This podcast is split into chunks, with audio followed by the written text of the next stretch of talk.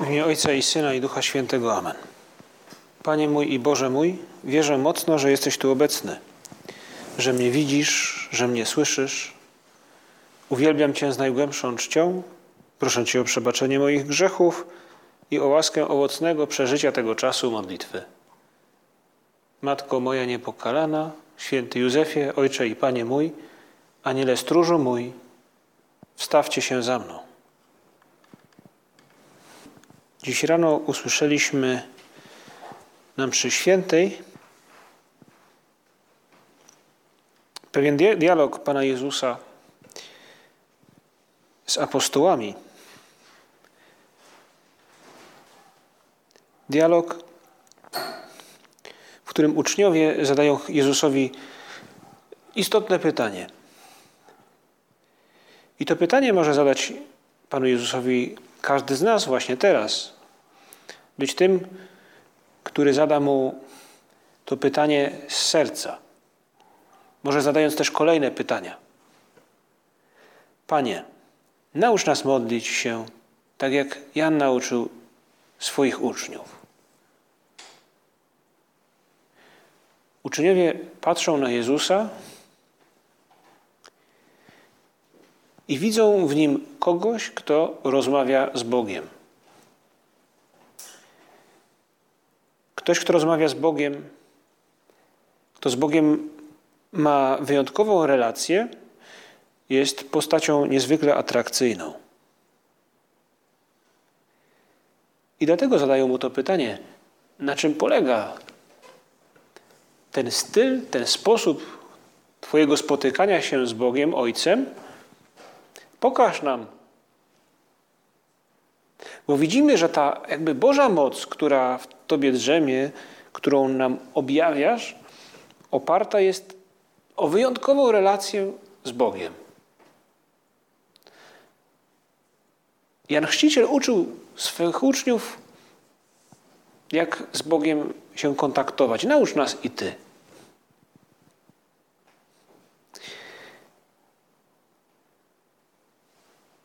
I my dzisiaj możemy pójść dalej w tym pytaniu uczniów o modlitwę, o to, jak się modlić, bo przecież jesteśmy tutaj przed Przenajświętszym Sakramentem,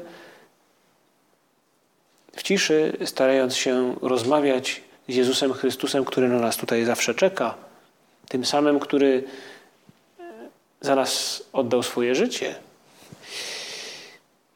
I dlatego możemy zadać też to pytanie Jemu właśnie teraz w sercu swoim, każdy z nas z osobna, po cichu. Panie Jezu, po co się modlić? Tak trochę przewrotnie o to zapytujemy, bo, bo widzimy w Tobie, w tym jak działasz, jak nauczasz, w tym wszystkim, czego dokonujesz, niezwykłą relację z Bogiem Ojcem. Tak samo jak widzieli ją apostołowie. I dlatego warto, żebyśmy dzisiaj zadali sobie to pytanie. Po co się modlić? Albo inaczej, Dlaczego potrzebni nam są ludzie modlitwy?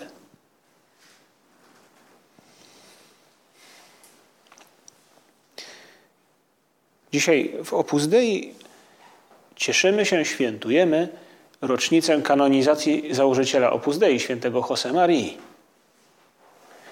W 2002 roku w Rzymie na placu świętego Piotra Jan Paweł II, święty Jan Paweł II kanonizował założyciela Opus Dei. I w homilii tej mszy świętej powiedział w gruncie rzeczy jakby, no, można powiedzieć, że ujawnił tę tajemnicę, czy odpowiedział na to pytanie, po co nam ludzie święci. Mówił tak. Święty Josemaria był mistrzem w praktyce modlitwy, którą uważał za nadzwyczajną broń dla odkupienia świata. Zalecał zawsze na pierwszym miejscu modlitwa, potem pokuta, na trzecim miejscu, bardzo na trzecim miejscu działanie. I mówił później, kończył w ten sposób Jan Paweł II.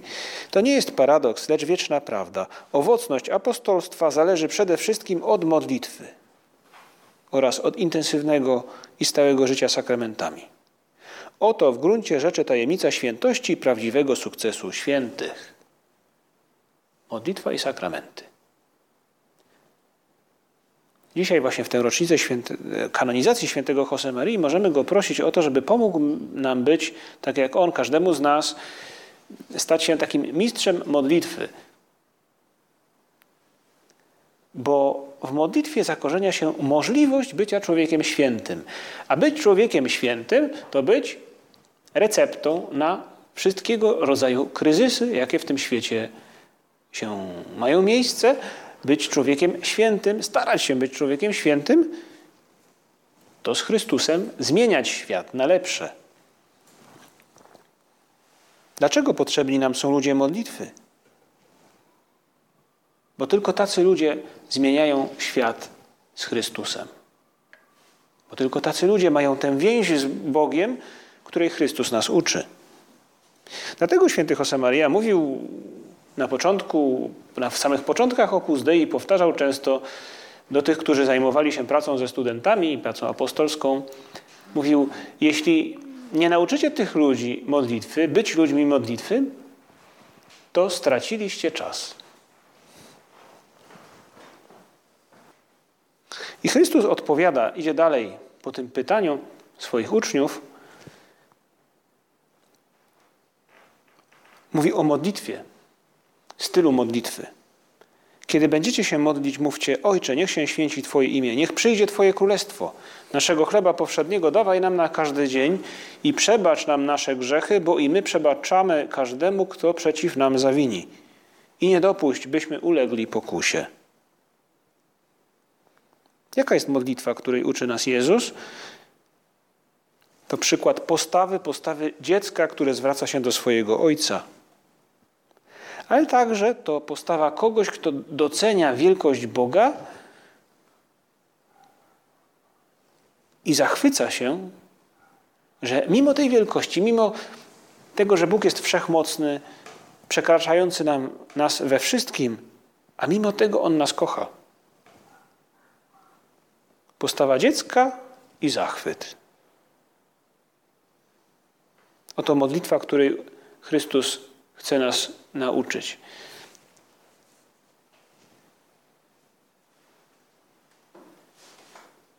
Kiedy patrzymy na ten świat i widzimy te wszystkie sytuacje, w których faktycznie potrzeba ludzi świętych, ludzi modlitwy, a więc ludzi, którzy mają relację wyjątkową z Panem Bogiem, możemy zadać sobie pytanie, a co by było, gdyby tak nie było, gdyby tych ludzi modlitwy brakowało, zabrakło?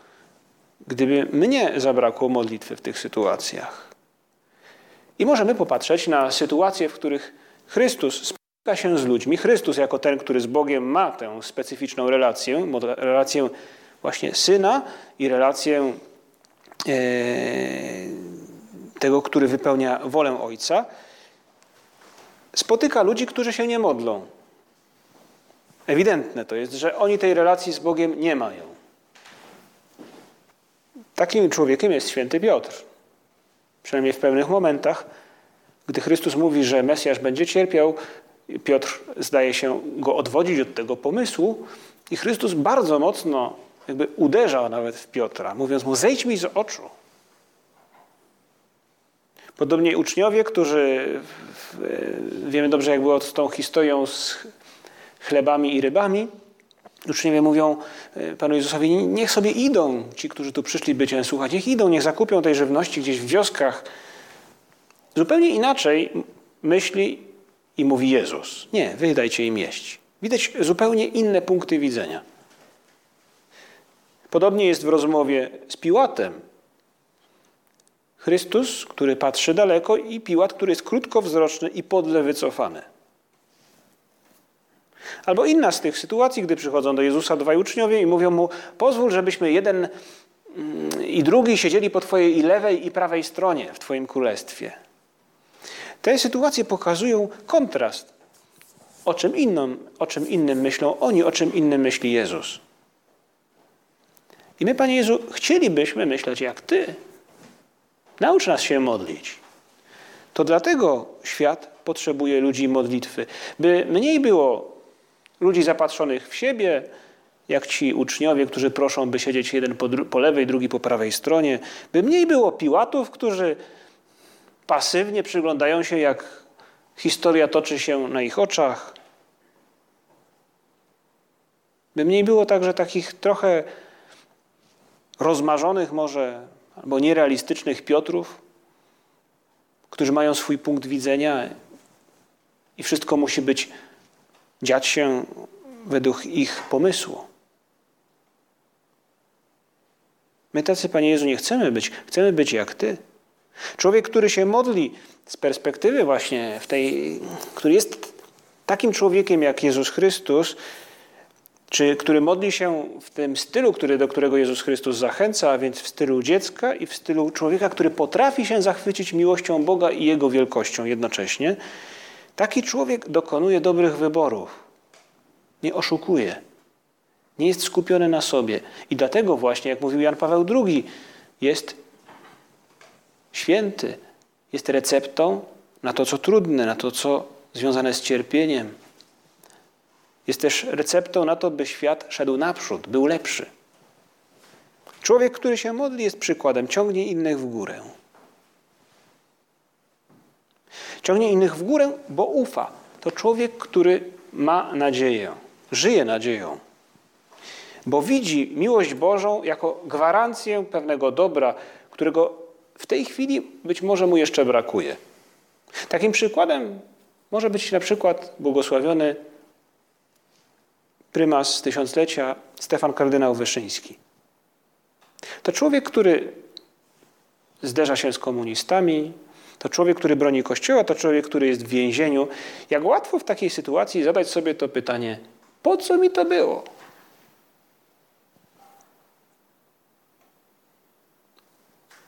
Jak trudno było myśleć o przyszłości w tych czasach, a jednak ten człowiek, widać, i to widać z jego zapisków, jak głęboko się modlił.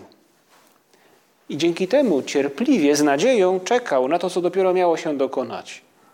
Pozostał wierny i jego wierność przyniosła naszemu krajowi, a także osobom wierzącym w tym kraju wiele dobra. To ten, który, którego nadzieja była jakby gwarancją odrodzenia, to ten, który z nadzieją doczekał czegoś niewyobrażalnego papieża z Polski. Można powiedzieć, że to był ktoś, kto ciągnął w górę, bo się modlił. Ten, kto się modli, ciągnie w górę, bo wierzy. Ten, kto wierzy, docenia Bożą obecność obok siebie, docenia Boże dary. To jest ktoś, kto nie odpuszcza, wie, ile otrzymał. I chce tej, tym, tym darom być wierny. Kilka dni temu tak sobie pomyślałem, że to jest właśnie postawa wiary. Kilka dni temu w niedzielę byłem w znajomej parafii. Jechałem na pierwszą mszę świętą, no wcześniej jak na niedzielę, bo to była siódma z, z haczykiem, czy ósma może była, blisko ósmej. Akurat tam, ta msza święta niedzielna była e, gdzieś w tych okolicach. Brakowało jeszcze pół godziny i znajdując się już kilkaset metrów od kościoła, jadąc samochodem, mijałem Y, różne postacie, które ewidentnie zmierzały do kościoła. I to były babcie, dziadkowie, którzy kuśtykając szli, by zdążyć na czas. Pomyślałem sobie, to jest wiara kogoś, kto wiele otrzymał od Pana Boga, jest tego świadomy i nie chce odpuścić. Chce być wdzięczny. Ktoś, kto się modli, ciągnie też w górę, bo kocha. Nie tylko ma nadzieję i wierzy, ale też kocha. Potrafi kochać Boga i potrafi kochać bliźniego. Ktoś, kto się modli, rozwala, niszczy świat jako bezduszną korporację. Ktoś, kto się modli, potrafi wyjąć słuchawki z uszu i zainteresować się drugim człowiekiem. Kilka dni temu zdarzyło mi się, że szedłem ulicą i zahaczyła mnie, za, zatrzymała starsza pani która poprosiła o pomoc, e, konkretnie poprosiła o pieniądze, e, mówiąc, że nie starczy jej na prąd. E, ta sama pani zatrzymała mnie kilka dni wcześniej i wtedy mogłem jej pomóc. Akurat tego dnia nie miałem przy sobie pieniędzy i jak już miałem jej to powiedzieć, nagle podszedł hipster. Taki typowy hipster warszawski ze słuchawkami. Wyjął słuchawki, popatrzył na nią Po czym wyciągnął portfel i wyciągnął całkiem konkretną kwotę i jej przekazał. Nie wiem, czy ten hipster się modli, ale z pewnością był człowiekiem, który to dostrzegł. Ludzie, którzy się modlą, czynią podobnie. Dostrzegają, że ktoś w moim domu potrzebuje pomocy, że ktoś na ulicy potrzebuje pomocy. Po co nam ludzie modlitwy? Po to, by byli ludzie, którzy ufają, którzy wierzą i którzy kochają. I zastanówmy się dzisiaj już na koniec tego naszego rozważania, czy moja modlitwa przynosi takie efekty w postaci nadziei, wiary i miłości. Bo jeśli nie, może się nie modlę. Może źle się modlę. Może nie modlę się w stylu, do jakiego Jezus Chrystus nas dzisiaj zachęca. Nie wystarczy modlić się od czasu do czasu. Jezus ma stały kontakt z Ojcem. Jezus, byśmy powiedzieli, modli się codziennie. Jezus modli się cały czas. Dlatego my, Panie Jezu, kończąc to nasze spotkanie z Tobą dziś wieczorem, chcemy teraz sobie na tyle, na, na ile każdy z nas jest w stanie, postanowić sobie, by idąc tą drogą, do której nas zachęcasz, rozmawiać z Bogiem Ojcem, jak dziecko i jak Ty, i jak inni Twoi apostołowie, zachwycać się Jego miłością wobec nas. Poświęcać trochę czasu na taki dialog bezpośredni, ale także przypominać sobie od czasu do czasu w ciągu dnia o Twojej bliskości, o tym, że w Tobie możemy pokładać nadzieję, że Tobie chcemy być wierni i poruszeni Twoją miłością możemy jakby rozdawać ją innym w konkretnych czynach, w konkretnych gestach. Z dialogu Maryi z Bogiem wynika jej współpraca w odkupieniu z tej bliskości, z tej rozmowy. Matko nasza, prosimy Cię, wspomagaj nas w naszej współpracy z Odkupicielem świata. Pomóż, byśmy byli tym lekarstwem, tą receptą na kryzysy. Pomóż nam, byśmy stali się ludźmi modlitwy, po to, by razem z Twoim Synem nieść światu radość. Dzięki Ci składam, Boże mój, za dobre postanowienia, uczucia i natchnienia, którymi obdarzyłeś mnie podczas tych rozważań. Proszę Cię o pomoc w ich urzeczywistnieniu. Matko moja niepokalana, święty Józefie, Ojcze i Panie mój, Aniele stróżu mój, wstawcie się za mną.